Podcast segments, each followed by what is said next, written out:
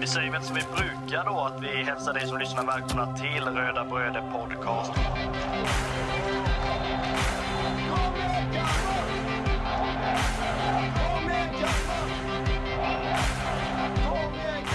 Vi är ju tre bröder som eh, driver en podcast som heter Röda Bröder Podcast. Eh, det är jag, Kristoffer Karlström, och det är min lillebror Marcus och min andra lillebror Andreas. Podcasten handlar bara om Kalmar FF.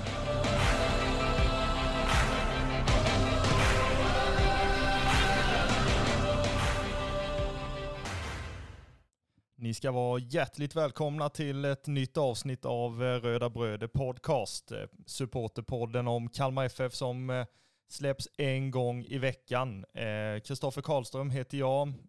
Min lillebror Marcus sitter på andra sidan och i mitten av Småland. Och vi kan väl, vi kan väl börja med en liten sån här känslokoll hur, hur läget är och har varit under uppehållet. Vad säger du Marcus?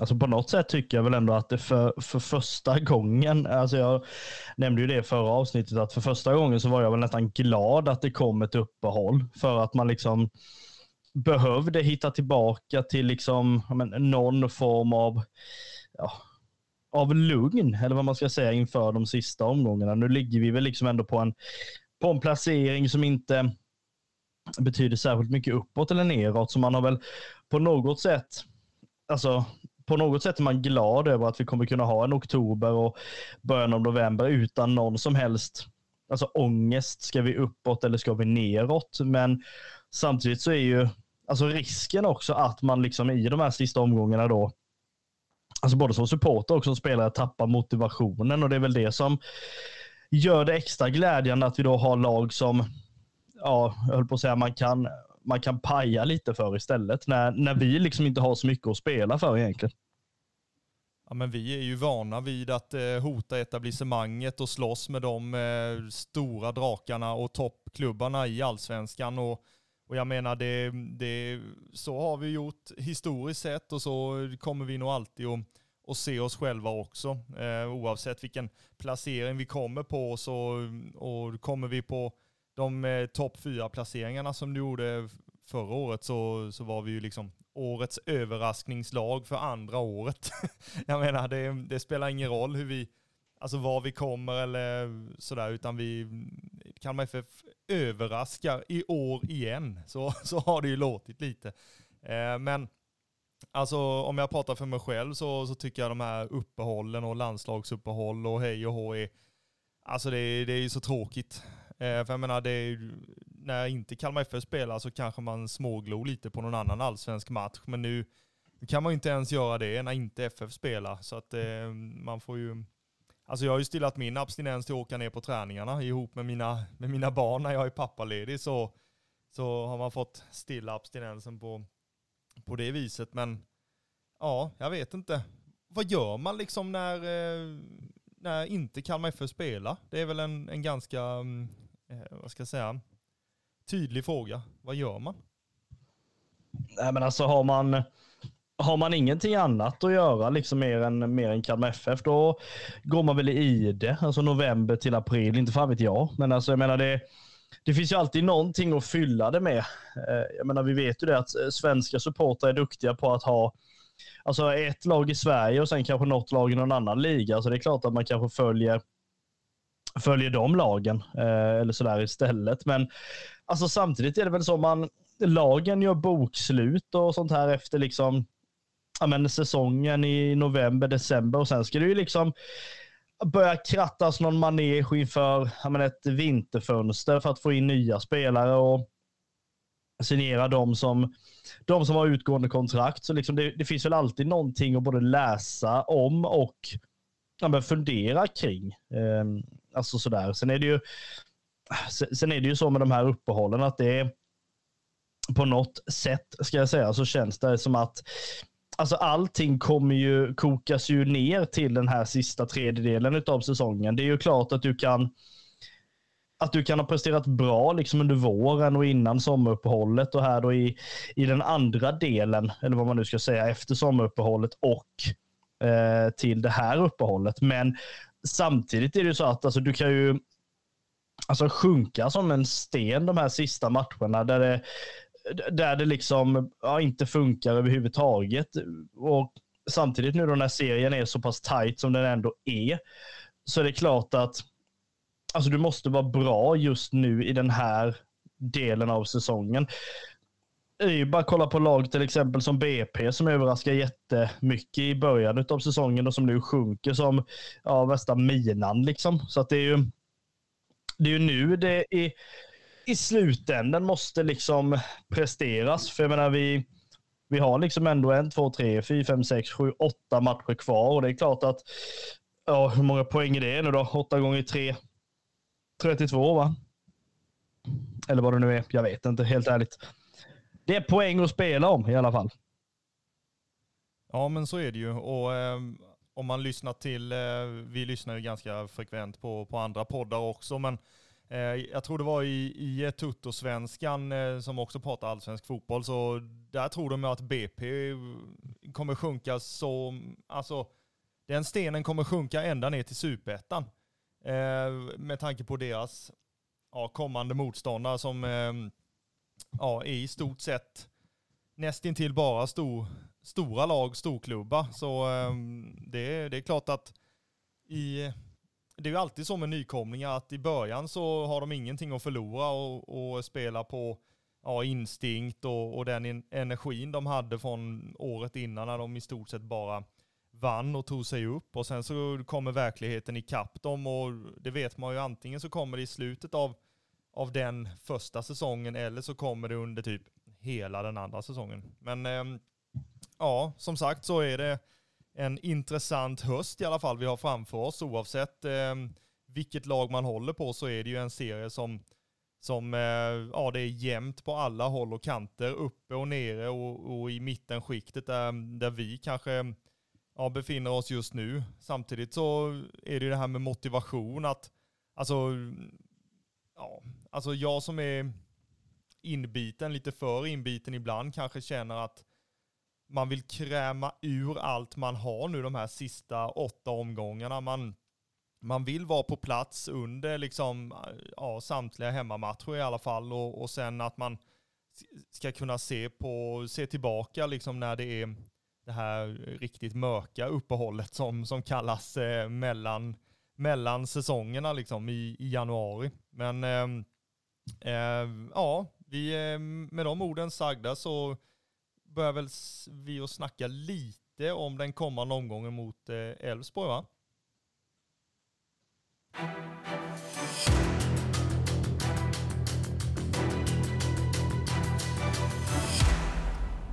Och det är ju klassiska IF Elfsborg som står för motståndet i eh, omstarten av allsvenskan 2023 efter det här landslagsuppehållet. Eh, de håller ju sedan 2005, om jag inte minns helt fel, till på eh, Borås Arena eh, som är satt, var det Ryavallen va? Ja, du nickar. då antar jag att det är rätt. de, de, de leder ju serien just nu med sina 48 poäng. Och alltså, jag vågar ju sticka ut hakan och säga att Elfsborg kommer vinna guldet. Det, det tror jag ganska stenhårt på. Eh, samtidigt så kan det väl bottna i att man absolut inte vill att Malmö FF ska vinna guldet eh, med tanke på ja, att eh, man, man inte unnar vår eh, före detta tränare det är under i alla fall första säsongen så. Så eh, ja, jag tror att Elfsborg vinner. Vad tror du? Ja, eh, jag kan väl börja li lite så här med bara att, att spola tillbaka när vi ändå pratar poäng och så här för er nu som sitter med era miniräknare och säger att det är inte alls 32, det är 24. Och jag vet att vi har 24 poäng kvar att spela om. Men skit ni i det. Det, det vi ändå då, som vi ändå pratar om i IF Elfsborg, 48 poäng. Alltså det är ju jag brukar säga att det är tajt i toppen och det är också tajt i botten, men framför allt är det ju så att här har vi ju lag som både Elfsborg, Malmö, Häcken, Djurgården känns ju lite avhängda, men ändå liksom de här tre, tre lagen att man, ja vad ska jag säga, att försöka fokusera på att man själva ska göra så bra prestationer som möjligt och skita lite i de andra, för de kan ju ändå inte, inte alltså påverka de andras resultat. Det är väl någonting som är lite huvudbry för, för de tre lagen. Ehm, det som, det som samtidigt då kan vara till våran fördel är att vi kommer ju möta de här tre lagen. Vi möter ju dels Elfsborg nu i helgen, sen är ju hemmamatchen efter ehm, är ju då mycket riktigt emot mot Häcken och sen har vi ju Malmö där i början av oktober. Och alltså har vi ingen motivation till att vi ska någonstans i tabellen liksom, så är det klart att det kan finnas någon form av, av motivation till att, att försöka vinna mot alla lagen. Jag menar, oavsett om man vinner guldet eller om man kommer topp tre så är det ju klart att när man väl, som vi har pratat om, gör bokslut för säsongen så kan man väl i alla fall vilja titta tillbaka på att okej, okay, vi slutade sexa, sjua, åtta, men vi slog i alla fall alla tre eh, topp tre-lagen. Så att jag tror väl att det är mycket lättare att jaga eh, lagen vad det är att bli jagad. För liksom trampar du snett någonstans, men då blir du ju uppäten. Ja, men så är det ju verkligen och, och jag tycker att det är, det är en, eh, en väldigt spännande höst vi har framför oss och eh, det är klart att man, man vill ju verkligen vara med och ja, sabba och störa och eh, vara otroligt jobbiga för de här, för, för de här topplagen. Alltså, och i sista omgången inte minst så möter vi ju Djurgården hemma. Och eh, ja, alltså samtliga av de här lagen ska ju få känna på hur det är att möta Kalmar FF och eh, ja, förhoppningsvis så, så kan vi störa dem ordentligt så att eh, det inte blir någon Alltså det ska inte bli den enklaste resan till att ta guld i år när vi är inblandade på, på det viset ju. Nej, men verkligen inte. Sen är det väl, det är väl skönt på något sätt att man inte, ja, nu höll jag på att säga att vi har kniven mot strupen matcher. Jag menar, om vi förlorar mot de här topp tre-lagen, det är ju klart att i stunden kommer det kännas alltså inte bra, men samtidigt är det också så att jag menar, tabell ljuger ju aldrig. Eh, så slutar vi på en tabellplats liksom 8-9 och man har förlorat mot topp tre-lagen så är ju inte det.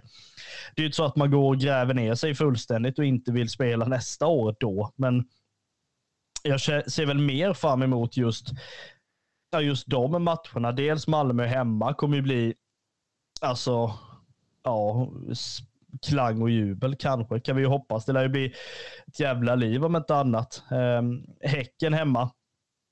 Alltså likadant. Det brukar ju bli bra matcher. Sen är det väl matcherna, alltså näst tredje sista matchen och näst sista matchen hemma mot Värnamo som inte kommer betyda ett skit för något av lagen och likadant bortamatchen mot Halmstad ehm, kommer inte heller betyda någonting för något av lagen förmodligen. Och Alltså då är det ju skönt att man har alltså matcher som verkligen betyder någonting. Eh, och det är ju som jag säger, vi, vi kan ju gå in och försöka störa de här lagen, men samtidigt är det ju så att all press ligger ju på dem, för det är, enligt massmedia så har vi ju alltså överpresterat något fruktansvärt under våren och nu kommer verkligheten ikapp oss. Och är det så, ja, men då, då är väl all, allting förutom förlust mot de här tre lagen är väl, är väl på plussidan.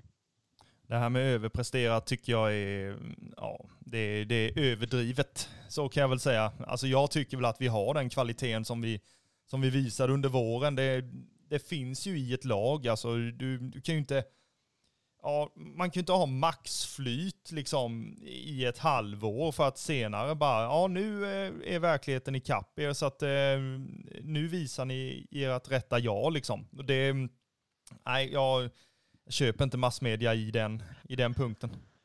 Ja, men där är det väl folk som kommer säga, alltså säga emot också. Då. Så, ja, men om det nu finns ett lag, om det nu finns kvalitet, vinn då för helvete. Alltså liksom att det inte... Alltså om det nu finns kvalitet, då ska man ju liksom inte halka ner på det sättet. Alltså jag vet inte vad, vad, vad egentligen man, man kan säga om det mer. Jag menar man kan, man kan ju sitta efter en säsong och kommit liksom, ja, i mitten eller någonting och bara liksom ändå känna att ja, men vi har kvalitet. Nej, men det, uppenbarligen har vi ju inte det.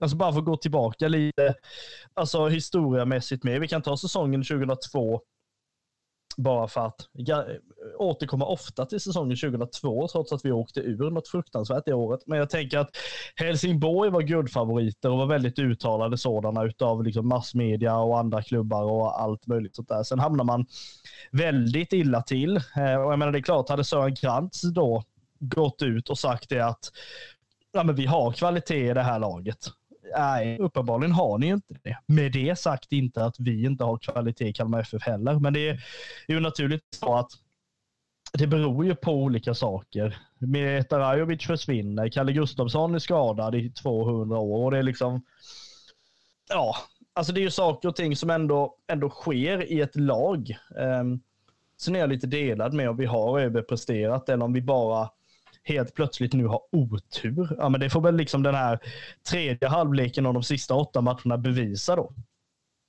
Ja, det, det kan jag hålla med om. Det är ju, alltså man vill ju inte, eh, vad ska jag säga, den här formsvackan vi hade under ja, första delen efter uppehållet, om ni hänger med på den. Eh, den vill vi ju inte ska ja, ens komma i närheten under de här sista åtta matcherna så att man kan avsluta på ett, ett positivt och eh, fint sätt allsvenskan 2023 och komma på en, en eh, ja, respektabel placering vad det nu än är. Eh, ja, det känns som att vi är lite klara med det här uppehållet och alla tankar kring det. Men om man tittar på på eh, Elfsborg så är det ju så att de har ju en, en form som är sex poäng på de tre senaste matcherna. De torskade sist mot eh, IFK Värnamo på bortaplan och det kan ju vem som helst göra höll jag på att säga. Eh, med tanke på hur Värnamo är på hemmaplan. Svåra och eh, ja, ja, svåra helt enkelt. Det är väl, det är väl rätt ord. Eh, tittar vi på lite profiler som Elfsborg har i i dagens trupp och på bänken så gillar du ju Jimmy Tellin. Det är ju inte, ehm, inget snack om den saken. Jag gillar Jimmy Tillin vet jag inte, men är det någonting man kan säga om Jimmy Tillin är det ju att han, han, du vet jag inte om han är tränare eller manager eller vad han nu är, men jag vet att det har pratats innan om att han kollar ju något fruktansvärt mycket material om spelare innan han säger ja. Det var ju någon spelare, jag vet inte vad det var jag hörde detta riktigt, men det var ju någon spelare som var på tapeten in, mot El, eh, in till Elfsborg och han, han fick frågan om den spelaren och kollade ju alltså hutlöst många matcher och träningar och allt möjligt om den här spelaren innan han liksom, ja, jag vet inte ens om han valde att ta in spelaren till slut, men det här är ju en analytiker som verkligen liksom, ja, alltså tycker om det, verkar det som. Jag menar, ska du ställa en fråga till han på en presskonferens och inte ha koll på dina siffror, ställ inte frågan, för han kommer äta upp dig. Uh, sen är det ju också så med Elfsborg som man har känt, han var ju på tapeten att han skulle få sparken för ett par år sedan för att han inte, inte presterade.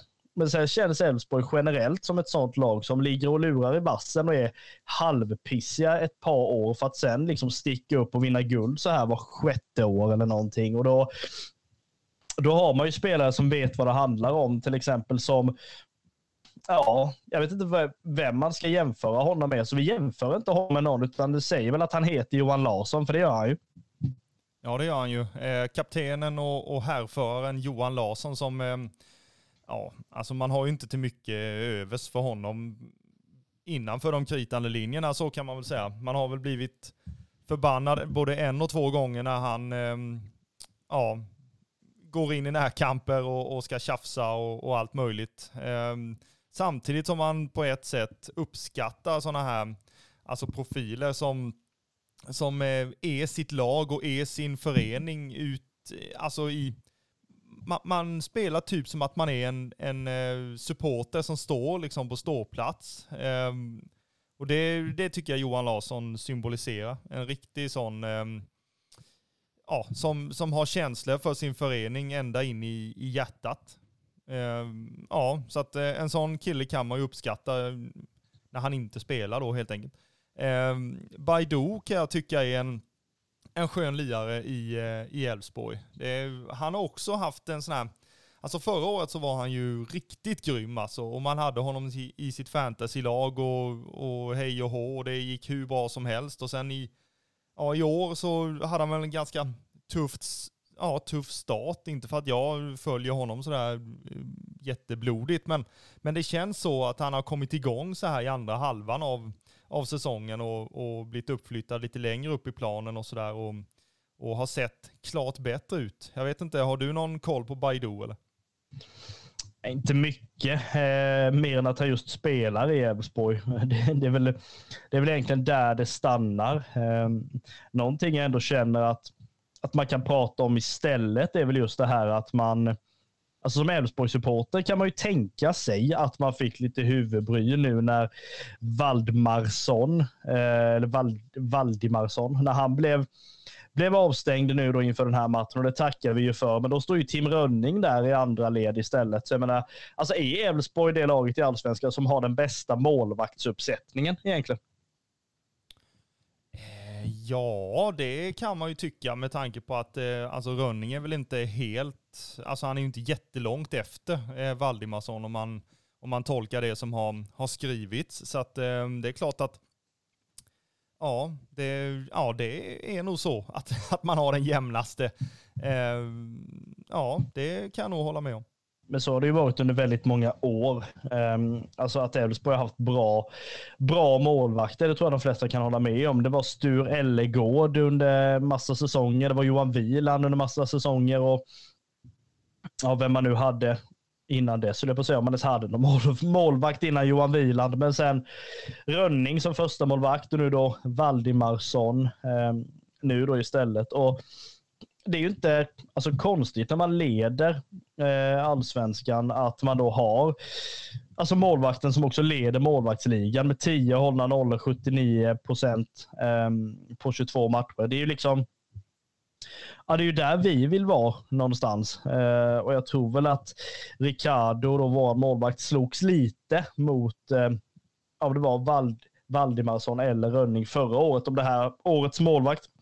Eh, men i alla fall, man har ju dels den här målvaktsuppsättningen som är ja, imponerande, får man väl ändå, ändå påstå att den är. Sen har man ju spelare som, ja, alltså när du väl är tröttkörd efter att eh, Gudjonsen har sprungit benen ur dig eller Alexander Bernhardsson har sprungit be, fullständigt orken ur dig så ser du att deras nummer lyfts upp på någon sån här fjärdedomarskylt och tänker skönt, nu får jag vila lite. Nej, för då kommer Per Frick. Ja, då får man ju definitivt inte vila. inte, inte styrkemässigt. Han är ju en, en riktig bit, eh, den här Per Frick. Och, och han, Alltså som FF-supporter så han har ju förstört många, många matcher för en. Det kan man ju, det kan man ju påstå. Och det, det är ju nog många Elfsborg-supportrar som vill att han gör det återigen på söndag. Eh, om man kollar lite, lite till, alltså kring deras kvaliteter, så spelmässigt och inte bara profilmässigt, så är det ju så att Alltså Elfsborg, till skillnad från Mjällby som vi mötte i förra omgången, vill ju göra saker Alltså när de har bollen själva och inte utnyttja bara andras eh, misstag och, och, kontra. Utan eh, Elfsborg eh, känns som att de är bra på lite av varje. Ja, nej, men alltså de har ju, ja, låter man det vara öppen gata som eh, vi hade på, på Guldfågeln eh, senast vi mötte dem. Så det är ju klart att de, Alltså de gör ju allt. Eh, liksom, det är mål på, på inlägg, det är mål på solorider och det ena med det femte. Liksom. Så att det, är ju, det här är ju ett lag som, som kan göra mål och det har de ju visat verkligen. Och då är det ju, alltså, ja men eh, verkligen så att man inte får släppa. Man får inte ge alltså, en enda lillfingernagel för då ryker ju hela armen. Ja, och det, det gäller att vi verkligen är, är på tårna kring de sakerna.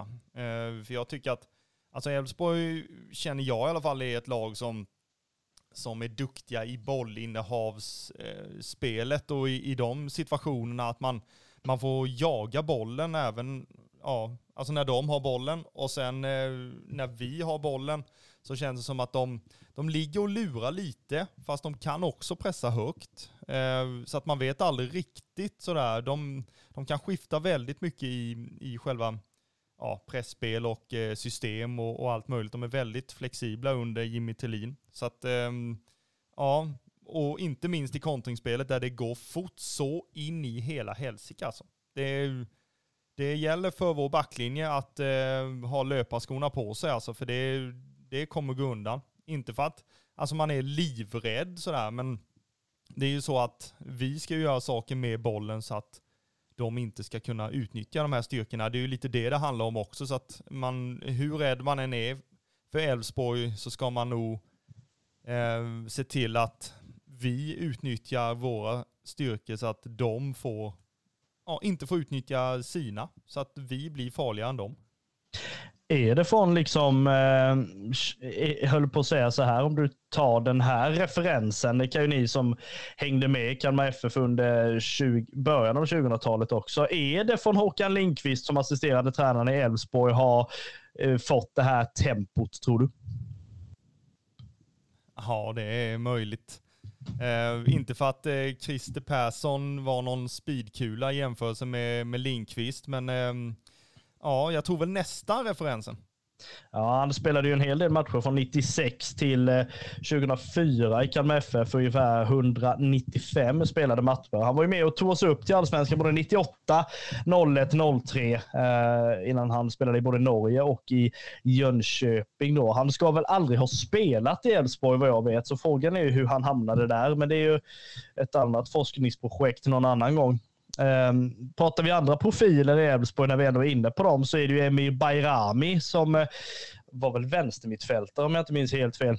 Eller vad det nu är. Han är ju också assisterande.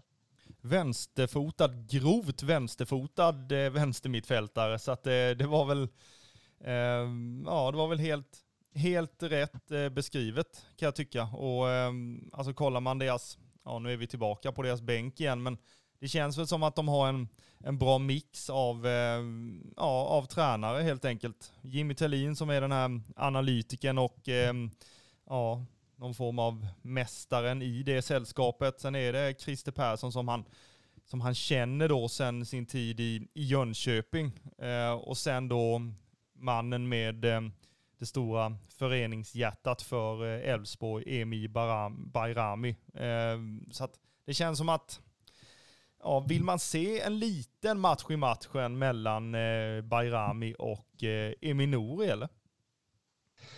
Ja, det har man ju fått se eh, innan höll jag på att säga. Var det inte Rydström och Anders Svensson som skulle sparka ner varandra så var det väl eh, Bayrami och eh, Nori kanske. Så att det, det är väl inte helt eh, omöjligt. Sen är det väl också så här att just alltså föreningsmässigt så tror jag inte att vi har alltså det är någon större rivalitet mellan de här liksom föreningarna. Däremot supportermässigt har det ju blivit det. Eh, dels kanske för att vi för att vi slogs en hel del om gulden både 2008 och 2007. Eh, och lite så. Eh, sen är vi väl liksom ändå föreningar av liknande storlek. Eh, så det, det, kommer väl därifrån också, eh, verkar det som.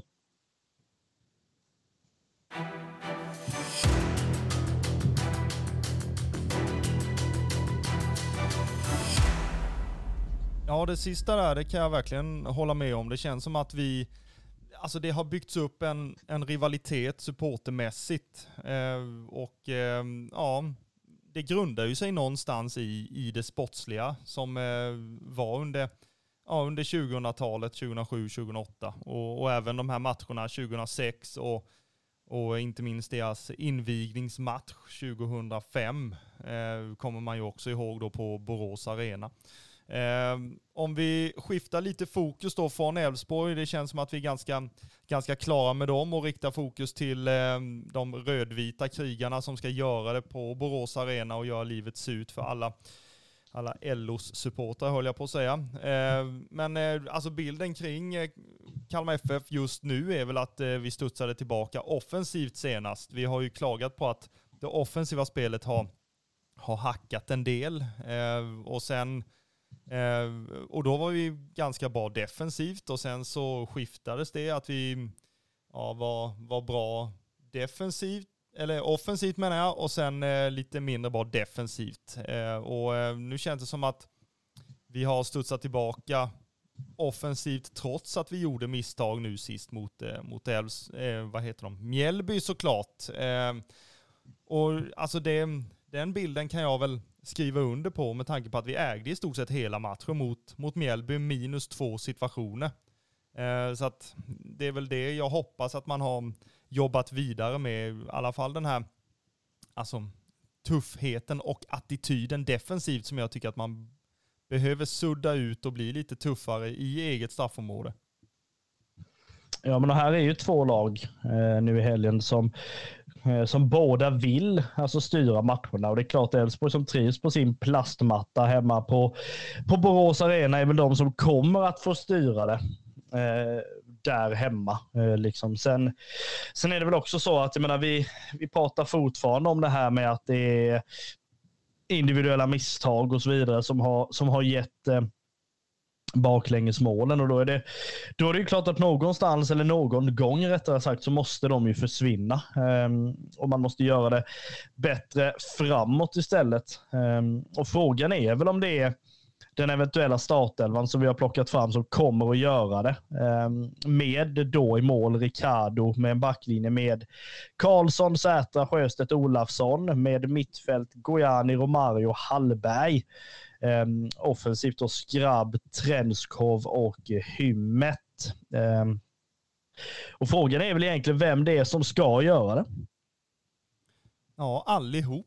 Så, så sk skulle jag väl vilja säga. Det är viktigt i denna matchen, det är det ju alla andra matcher också, men, men i denna matchen när vi möter serieledarna på bortaplan eh, på förhand så känns det ju som en, en eh, ja, riktigt tuff batalj eh, och tuff match för, för oss och, och vi vill ju göra det tufft för Elfsborg också såklart. Men, men samtidigt så gäller det att samtliga elva som går ut på planen i rödvit tröja, alltså ger allt under 90 minuter och följer matchplanen och, och alltihop och spelar för, för föreningsmärket på bröstet och för de supportarna som åker dit. För att eh, det något annat är ju inte acceptabelt överhuvudtaget. Eh, så att jag, jag, tycker att ska man plocka ut någon sådär ur U11 som, som man hoppas på ska ta, ta tag i taktpinnen så är det ju Simon Skrabb som eh, det är vår, vår assisterande kapten. Eh, han är ju duktig både Ja, både när han får spela på det centrala mittfältet men samtidigt som, som tia där han ja, har gjort en del poäng i år måste man ju säga. Han, han leder ju den in, ja, interna poängligan och ja, är det någon som har gått lite under radarn alltså så är det Simon Skrabb trots att han har gjort eh, så pass mycket poäng för oss. Ja, men det är väl så. Um, vissa spelare jobbar ju i det tysta um, och får väldigt mycket uträttat i alla fall. Uh, eller uträttar väldigt mycket och får det att se ut som att det är andra spelare som faktiskt gör jobbet. Det är ju en bedrift i sig också. Ehm, och där har vi väl ändå en hyfsad likhet i uh, fokusspelaren som vi har i Elfsborg då, Jeppe Ockels. Ehm, den här ytterligare dansken som finns. Eh, som finns i alla lag, höll jag på att säga. Ehm, det är väl nästan obligatoriskt. För ett tag sedan var det obligatoriskt att ha nummer två på högerbacken. Nu är det väl nästan obligatoriskt att ha en dansk i varje lag. Eh, mer eller mindre. Men Ockels då eh, har ju spelat, spelade i alla fall förra året eh, 27 matcher eh, från start, eh, ska jag säga. Ehm, och har väl ändå varit en spelare som men i, i liksom, i, som utåt sett i alla fall har liksom synts mycket i ja, men i det tysta. Liksom. Grovjobbet, eh, snideriverksamheten. Syns mycket i det tysta. Det, det var det bästa jag hört tror jag. Hör, hörs mycket i det tysta kanske. ja, ena... Syns mycket i det blinda, syns mycket i det mörka. Skit, så, skit ur det. Ja, fan, så man måste ju, när chansen kommer till en och annan peak sådär, då måste man ju fälla in det som eh, äldsta brodern va. Så att eh, det, det är bara att tugga i dig det, du som bor i, i Växjö som sagt. Eh, jag tycker att eh, kollar vi startelvan så är det ju alltså en, en intressant startelva tycker jag. Eh, alltså, och det, det är väl den, den bästa vi kan ställa på banan just nu. Sen, sen tycker jag att eh, det var ja, ren och skär jäkla otur att Noah Chamoun gick sönder i i första halvlek eh, sist för att jag tycker att han under den tiden han spelade var han, ja, han var ju ja, bland de bästa på planen under de första 30 minuterna. Eh, både offensivt och defensivt så att eh, nej det var riktig otur och jag hoppas att eh, Noah kryar på sig och är tillbaka på planen inom en, en snar framtid för de takterna vill vi gärna att han fortsätter med som han visade då. Eh, och den den eh, klockrena ersättaren till Noah var ju såklart Trenskov ju, nu när vi ändå pratade Danmark. Eh, och eh, det känns ju lite som, ja det var väl någon som myntade det begreppet i början av den här säsongen, med att vi är hela Nordens lag på något vis. Och det, ehm, det är ju, ja det är ju inga nackdelar med det, absolut inte. Ehm, men ehm, vad tror du om eh, så här, tankarna kring matchen så här på på förhand. Eh, vilket lag tror du kommer vinna bollinnehavet? Ja, eh, det är väl det som är frågan egentligen. Jag menar, Elfsborg vill ju vinna bollinnehavet eh, och ta tag i taktpinnen, så det är väl klart att de kommer väl försöka eh, med allt de kan eh, naturligtvis. Och tyvärr blir det väl så att vi kanske i den här matchen får försöka ägna oss lite åt att spela efter deras pipa just för att sen kunna straffa dem när tillfälle ges. Ehm, och det är väl det, det, är väl det som är det negativa liksom, när hela vår spelidé är att vi ska äga boll och vi ska spela runt och vi ska helst göra det med ett, ett högt tempo eh, när det krävs och sen skapa en hel del målchanser. När, när vi kanske kommer få ägna hela matchen åt att göra tvärtom egentligen så är väl det naturligtvis frustrerande.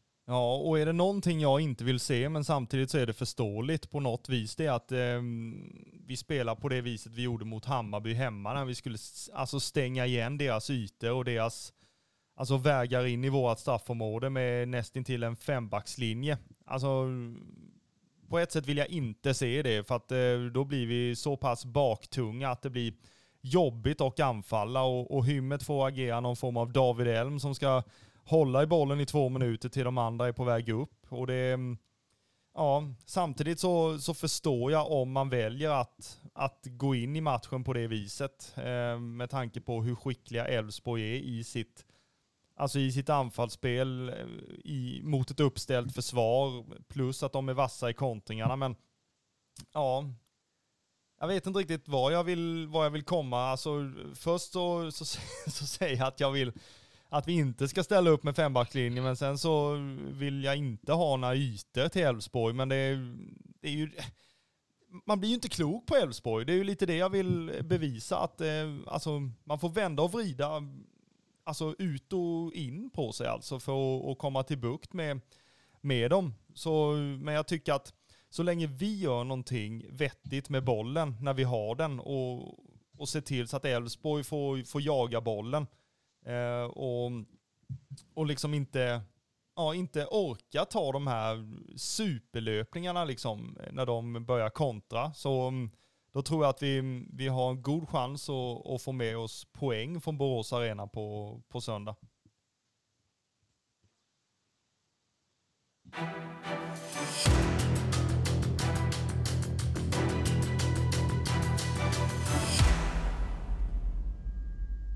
Du pratade att det, det kan vara lite ångestladdat att möta Elfsborg och det, det, har det ju varit eh, åren igenom. Men är det, är det mer ångestladdat nu när, vi när det känns som att alltså, vi är i ingenmansland och i stort sett har, har ingenting att spela för om man ska tro experterna? Nej, alltså jag hade ju, man hade ju åkt upp till Borås med mer ångest om det hade varit så att vi hade slagit som någon Europaplats eller sett liksom att ja, något lag bakom oss eh, på någon kvalplats hade närmat sig. Liksom. Eh, då hade det väl blivit, blivit mer eh, ångestladdat naturligtvis. Nu är det väl mer egentligen bara Alltså åka upp och visa att vi kan då. Om det nu är så att vi kan. Så ska vi naturligtvis visa det. Um, och då är det väl egentligen det som är, är moroten. Uh, för att är det någonting som är alltså riktigt skönt så är det att vinna på hemmaplan. Men är det någonting som är ännu skönare så är det väl att sätta käppar i hjulet mot, eh, eller för ett guldjagande lag på deras hemmaplan. Ja, på deras hemmaplan speciellt så är det ju riktigt fint att kanske knäppa dem på, på näsan och åka hem med, med ja, helst tre poäng. Alltså 0-1 vinst eller 0-2 vinst. Det hade ju suttit som en, som en smäck helt enkelt. Eh, samtidigt så, alltså mitt hopp eh, är liksom att vi, att vi åker därifrån med, med en poäng, minst en poäng. Eh, det är väl det jag vill gå in i matchen med ja, med den ehm, ja, hoppfullheten, eh, om man säger så. Alltså, för det, ja, det kommer bli tufft, men jag tror att vi kan, vi kan hota dem och, och vi älskar ju att hota dem. Lite, lite större lagen i alla fall tabellmässigt. Eh, ska vi gå vidare och, och, ja, alltså vi avslöjade väl det i förra avsnittet egentligen, det här kommande samarbetet som vi ska ha in, alltså, ja, i samband med matchen mot Elfsborg helt enkelt. Eh, och, eh, och vi kan väl eh, spinna vidare på det att eh, i samband med just matchen mot Elfsborg så så eh, har vi glädjen att släppa en ny tröja. Alltså vi kände att tröjan med med Ölandsbron var en, en, eh, en succé. Eh, det var ju en beställning som, ja, alltså vi har ju släppt en tröja innan, men eh, den här tröjan gav ju oss ja, den största beställningen av, av dem vi har släppt ju. Så att vi hoppas ju att det här tredje tröjsläppet kommer att, att bli än mer i, i antal och inte minst med tanke på Alltså vad det betyder att köpa den här tröjan som, som vi kommer att släppa. Eh, det är en, en tröja som, eh, som har med tifo att göra.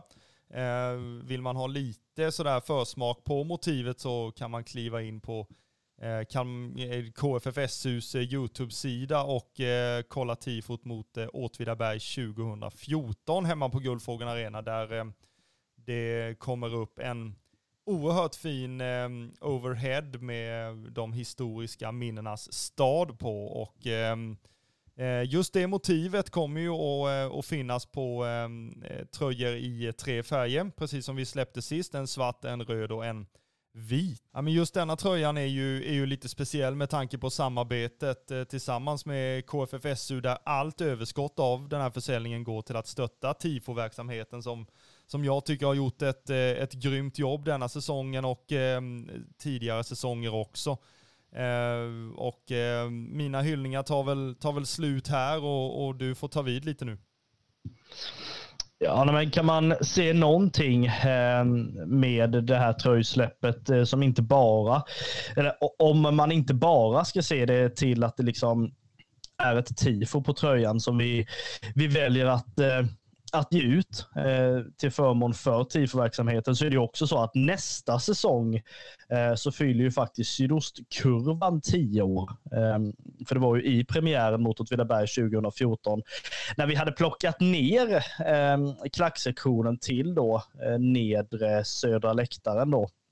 Eh, som det här tifot eh, bredde ut sig över den nya sektionen och i och med eh, att det här dels har, gjort, har gett ett uppsving under de senaste åren eh, så har vi väl också utan flaggor och verbalt också. Eh, vilket då gör att vi känner att vi har Alltså som då supporterredaktion, supporterjournalistgruppering eller vad man överhuvudtaget vill kalla oss för så har väl vi har ju alltså med den följarskaran vi har, med de lyssnare vi har, med de som läser texterna vi skriver, så är det klart att vi känner att vi har en eventuell möjlighet att kunna inbringa någonting till de som lägger sitt liv och eh, sin själ i i liksom att stötta Kalmar FF i och med tifon. Och då känner vi att att då göra en tröja som där vi inte har designat alltså själva motivet, utan det är ju andra som har gjort det. Ehm, då känner vi att de ska liksom premieras i detta. Ehm, och Förhoppningen är väl att vi fick ju alltså en stor beställning på våra egna tröjor, vilket vi tackar er tusen gånger om för. Men naturligtvis är det ju så att i och med den här eh, tröjan så är väl vår förhoppning att beställningen ska kunna bli ännu större så att vi kan skänka så mycket pengar som möjligt. Eh, och därmed också så har vi väl har vi ju lagt själva prislappen på 250 kronor eh, istället då eh, för de 200 som våra tröjor kostade. Det här är ju också just för att vi vill få in så mycket pengar som möjligt till TIFO-verksamheten.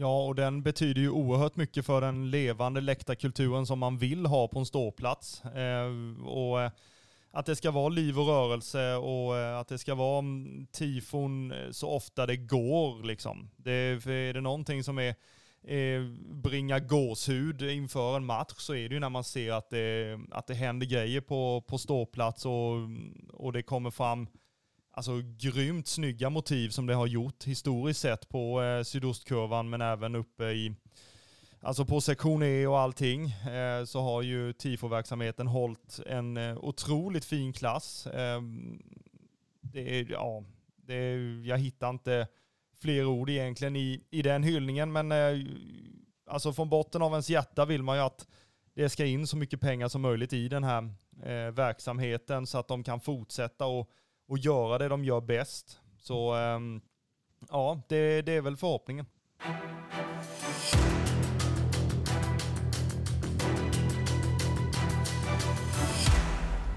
Om vi fortsätter och, och gör lite sådär reklam för eh, bortaresan till eh, Borås Arena under söndagen så går det jättebra att boka sig på, på de sociala medierna till eh, KFFSUs eh, representanter i Jocke P och eh, Micke Målare. Se till att ta dig till Borås Arena och stötta laget på plats för det vet vi att spelarna uppskattar oerhört när man ser rödvita supportrar både på hemmaplan och bortaplan. Det kom ut precis nyss att puben i Borås är klar och det blir brasseriet för er som väljer att ladda upp där innan matchen. Ehm, och det hoppas vi att så många som möjligt väljer att, att göra så att det blir en, en fin gemenskap in, inför den matchen. Ehm, sammanfattningsvis så möter vi alltså serieledarna Elfsborg på Borås Arena på söndag. Eh, en tuff match på, på förhand, men vi hoppas ju såklart att eh, vi tar med oss poäng ifrån den, ja, får man säga, tråkiga arenan. Ja, det får man göra. Eh, vi återkommer i, i nästa vecka med ett eh, referatavsnitt och införavsnitt eh, ja, efter den här matchen då mot Elfsborg. Eh, se till att följa oss på de sociala medierna och var med oss under nästa vecka när vi släpper ett nytt avsnitt av Kalmar FF Supporterpodd Röda Bröder Podcast. Vi tackar så länge och hörs.